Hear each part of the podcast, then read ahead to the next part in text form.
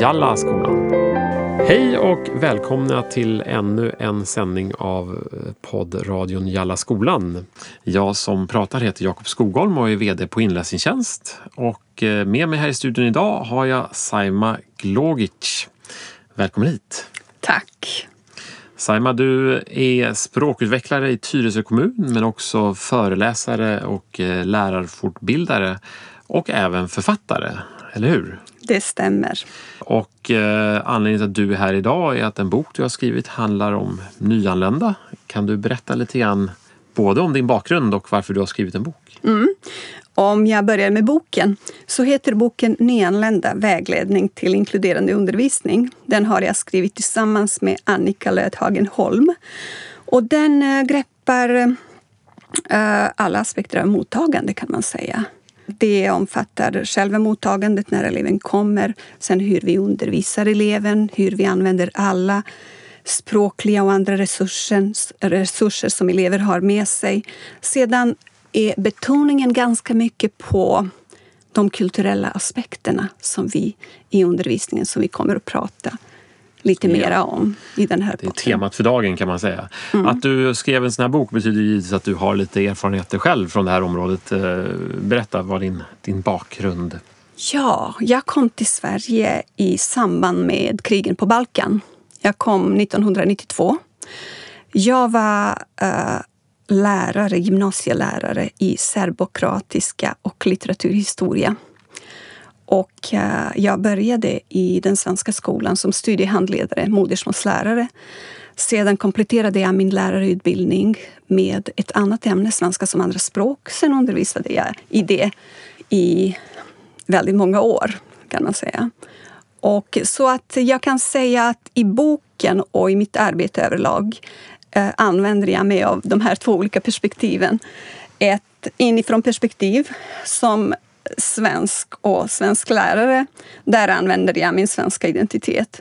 Och det andra perspektivet, utanför perspektivet, då kommer jag utifrån och då är jag nyanländ och då lär jag mig allt det här med språk och med kultur och med koderna och försöker röna ut och försöker fatta hur saker och ting fungerar. Så att de två perspektiven genomsyrar varandra väldigt mycket. Och jag skriver också i vissa små textsnuttar om mina personliga erfarenheter under den resan. Till pudens kärna då. Vi tänkte prata om skolkultur här, eller som, som ett av många saker som du tar upp i din bok och ett av många saker som eh, handlar om mottagande är ju hur vi eh, arbetar med och hur det kan vara en utmaning för en nyanländ att möta den svenska skolkulturen. Hur går dina tankar där? Ja, i mötet med de nyanlända eleverna. När svenska skolan tar emot nyanlända elever och när man ska ordna en undervisning som är så bra som möjligt och så anpassad som möjligt så har vi lärt oss ganska mycket om språket, att språket är en svårighet och eh, att det tar lång tid att lära sig språket. Ett till två år, det vardagsrelaterade språket som man använder i vardaglig kommunikation. Och sen att skolspråket kan ta väldigt många år. Det som vi kanske mindre har uppmärksammat är de här kulturella aspekterna. Och dels att själva klassrummet, själva undervisningen, är en kulturell kontext. Och eh, vad består den av? Vad är svårt hos oss själva? Vad är främmande? Vad är svårt att förstå och uppfatta? Det kan vi inte se själva. Vi behöver en utanförblick för det, tycker jag. Mm. Och där har du en bra utanförblick. Vad är det typiskt då? Man kan ju misstänka en del saker, men vad är det mm. typiskt du ser hos nyanlända som är svårt i den svenska skolkulturen? Det kan vara flera olika saker. Det kan vara till exempel uh, syn på kunskap. Vad är kunskap? Uh, många elever som vi har tagit emot de senaste åren är vana vid traditionell undervisning och vid den rollen som läraren har i den traditionella undervisningen att eh, man överför kunskap och att eleverna tar emot kunskap. Att det gäller att snappa upp vad läraren säger, att det gäller att läsa på i boken. Eh, ofta handlar det om eh, fakta, begrepp och process. Minnas fakta, minnas begrepp, tillämpa och så vidare. Mindre handlar det kanske om att analysera och se samband det som vi vill tro att vi är så bra på i Sverige. Precis. Uh, inte bara att vi är så bra, utan att det är ju inskrivet i läroplanen och i, i de olika ämnens kursplaner och eleverna klarar sig inte. De klarar inte betygen om dem. De klarar inte kunskapsmålen om de inte förstår vad det är för slags kunskap som efterfrågas. Mm. Och sen hur man arbetar i klassen för att eleverna ska utveckla de här förmågorna. Man kanske frångår många gånger det här föreläsningsformen som eleverna är vana vid. Utan eleverna ska arbeta i grupper, i små grupper och tillsammans med sina klasskamrater resonera sig fram till saker och ting. Och eh, där har vi en typisk kulturell sak. Vad är kunskap? Varför sitter vi här och diskuterar? Uh, att jag inte ser min klasskamrat som en kunskapskälla. Mm. Att jag inte ser den undervisningsformen som en seriös undervisningsform och så vidare. Mm. Ja, det är nästan så att eh, eleven kan se ner på den svenska undervisningsformen, inte det se det som händer, undervisning. Liksom. Det händer, där kommer in den här vikten av tydlighet. Mm. Att kunna verkligen förmedla varför gör vi det vi gör och vad det ska leda till. Ja. Är det någonting du tänker att det borde ligga, åligga den enskilde läraren att tänka på det här eller är det någonting man borde inkludera i någon form av välkomstprogram för eleverna att prata just skolkultur och utbildningskultur? Uh, ja, kanske både och. Båda delarna. Uh, man kan ju ha information till lärare och föräldrar och det finns bra material på Skolverket till exempel uh, där man kan hämta och det finns tillgängligt om det svenska skolsystemet. Men det är inte riktigt bara det jag pratar om. Det är allt det här osynliga som bara sitter i väggarna mm, mm. och som vi i svenska skolan inte riktigt ser att det är någonting som behöver förklaras. Det som har kommit med modersmjölken om man säger så. Ja, precis. Fast från första klass. Jag, jag tänkte på ibland när man pratar språkutveckling så finns det ju forskning som eh, visar hur lång tid det tar för barn att lära sig nya språk. Eh, kan man tänka sig liknande att det tar en viss tid för en typisk nyanländ att, att få de här pusselbitarna på plats i, kring skolkulturen? Det tar naturligtvis lång tid. Jag har bott i Sverige i 25 år och haft turen att uh, få arbeta i svenska skolan med arbetskamrater som jag fått väldigt mycket hjälp av. Och många saker har jag behövt, behövt röna ut på egen hand också. Men ändå fortfarande finns det saker som jag inte behärskar. Fortfarande finns det saker som jag upptäcker, jaha, så här gör man mm, inte. Mm. Så tiden det tar att lära sig ny skolkultur är väldigt, väldigt lång. Det gör det verkligen. Det, det kanske går snabbare för yngre barn, tror du? Eller är det skillnad? Nej, men det kan vara så. Eh, för yngre barn där undervisningen är mera konkret och mera situationsbunden. Eh, det handlar om situationer som inlärningssituationer om här och nu. Och då är det dels är det längre tid att snappa upp saker och ting. Och dels är det kanske tonåringar har väldigt svårt, och även vuxna. För att det blir mera prestigefyllt. Gör jag rätt? Gör jag fel? Vad kommer andra att tycka om mig? Och så vidare. Och sen är det mera komplext. Det blir mera och mera komplext, mera och mera krävande med åldern. Mm. Man pratar ju ofta om språket som en, en barriär in i skolan och in i samhället generellt. Men är det här nästan lika stor barriär kanske? Eller till och med större? Ja, någon idé? Jag har inte mätt det så. Nej, det är svårt att mäta men det bara rent eh, men, teoretiskt. Men, eh, jag kan säga så här, det är svårt att prata om språkbehärskning om man inte tar hänsyn till situationen, kontexten där språket används. Mm. Den pragmatiska kunskapen, hur man använder språket i olika situationer, det är delvis kulturellt. Ja, exakt. Ja, de går ju hand i hand. Ja. Uh, nu när du och jag står här i studion så står vi väldigt nära varandra.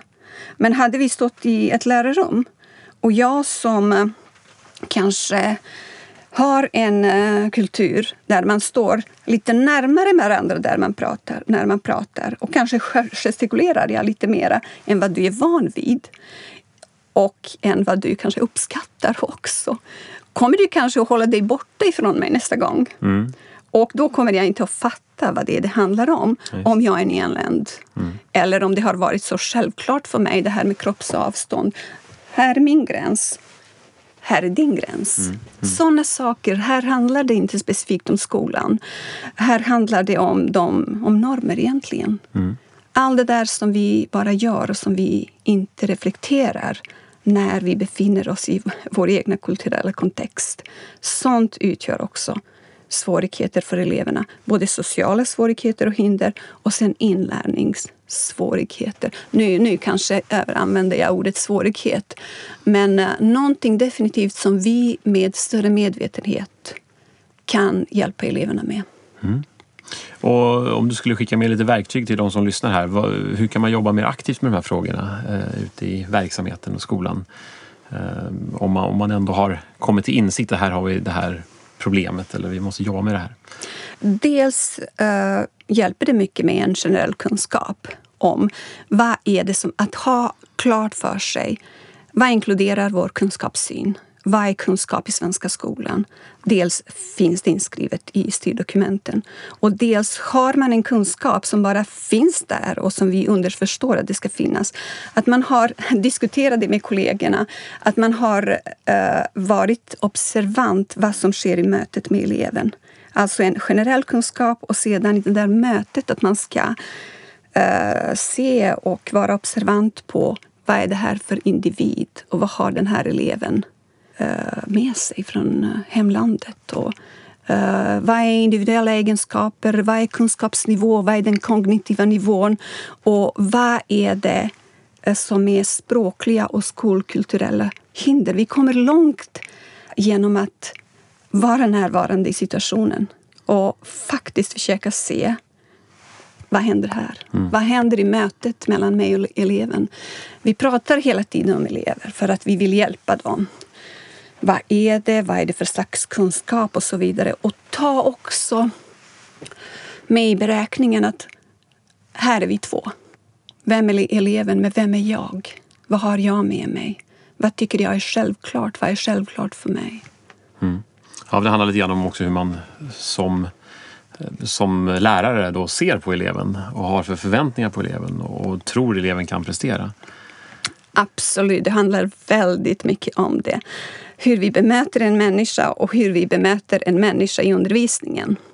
Uh, och vilka förväntningar vi har. Det, det kanske faktiskt finns två saker. Jag tänker, man sätter mig i den nyanlända elevens situation. Det ena är att han kommer in i en ny skolmiljö med en annan kultur. Precis. Men han möter också människor som lägger värderingar i mötet. Uh, alltså lärare som kanske mm. inte vet hur de ska mm. bemöta en nyanländ elev och kanske bemöter eleven utifrån en förutfattad mening om elevens kunskapsnivå och så vidare. Så det kan vara två saker som faktiskt samverkar till att mötet blir sämre. Absolut. Och där kan jag lägga till, det handlar inte om att lärare, enskild lärare lägger värderingar. Det gör vi allihopa. Vi allihopa är kulturella varelser. Och i kulturens natur ligger det att vi inte är medvetna om vår egen kultur. Och sen också att vi allihopa, oavsett vad på jorden vi är födda och uppväxta. Vilken etnicitet, vilket språk och vilken kultur vi tillhör. Vi värderar vår egen kultur lite högre än mm. andra. Vi är etnocentriska. Vi tycker att vårt sätt är det rätta. Det är bara att gå till sig själv. Nu kan vi kliva ut, ut ur skolkontexten. Hur uppfattar du och jag en människa som inte kan hantera språket på en hög nivå. Hur uppfattar vi den människans kunskaper, den kognitiva förmågan? Hur uppfattar vi en människa som inte känner sig hemma i sammanhanget? Reagerar kanske lite långsammare, reagerar på eh, fel sätt, behöver mycket hjälp av andra. Alltså när den där omedelbara förståelsen, när du berättar ett skämt och så är det bara en person som inte skrattar och som behöver en förklaring. Hur uppfattar vi den människan? Mm, mm. Och där har vi allihopa stått som har befunnit oss i sammanhang som inte är våra egna. Mm. Och uh, uttryckt oss på språk som inte är modersmålet, som inte är det som bara sitter mm. till hundra procent. Så att allt det här påverkar, vi är inte mer än människor. Ja.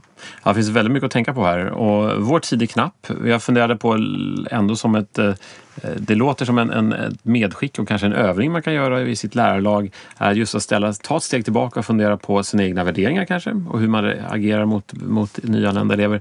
Men också diskutera vad är det som typiskt nyanlända elever kommer att anse vara konstigt här i skolan. Eh, vilka delar av den svenska skolkulturen är troligtvis svåra för folk att förstå?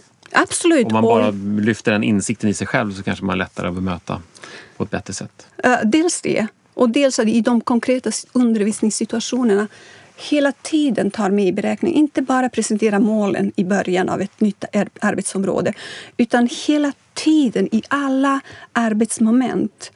Uh, vara tydlig eller fråga eleverna, diskutera eleverna. Varför gör vi det här? Mm. Vad har du lärt dig? Eleven har kanske lärt dig något helt annat än vad du uh, velat undervisa om eller uh, än vad du, vad du velat förmedla. Uh, men att man stämmer av det här hela tiden, att man är med i situationen och att man är tydlig. Hellre övertydlig än otydlig. Mm. Det tycker jag låter som bra avslutande ord.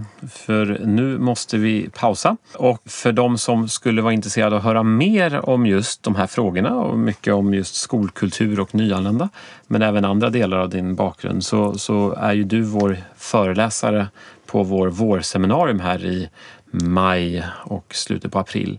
Eh, en seminarieturné som går runt i fem olika städer runt om i Sverige. Eh, och de kan man fortfarande anmäla sig till. Det finns plats i nästan alla i alla fall. Och det gör man via vår hemsida på inläsningstjänst.se och klickar ner på aktuella nyheter. Så finns det möjlighet att anmäla sig där och då får man höra mer av Saima. Ja. Så tack för att du kom hit och tack alla lyssnare för att ni lyssnade så hörs vi igen. Tack.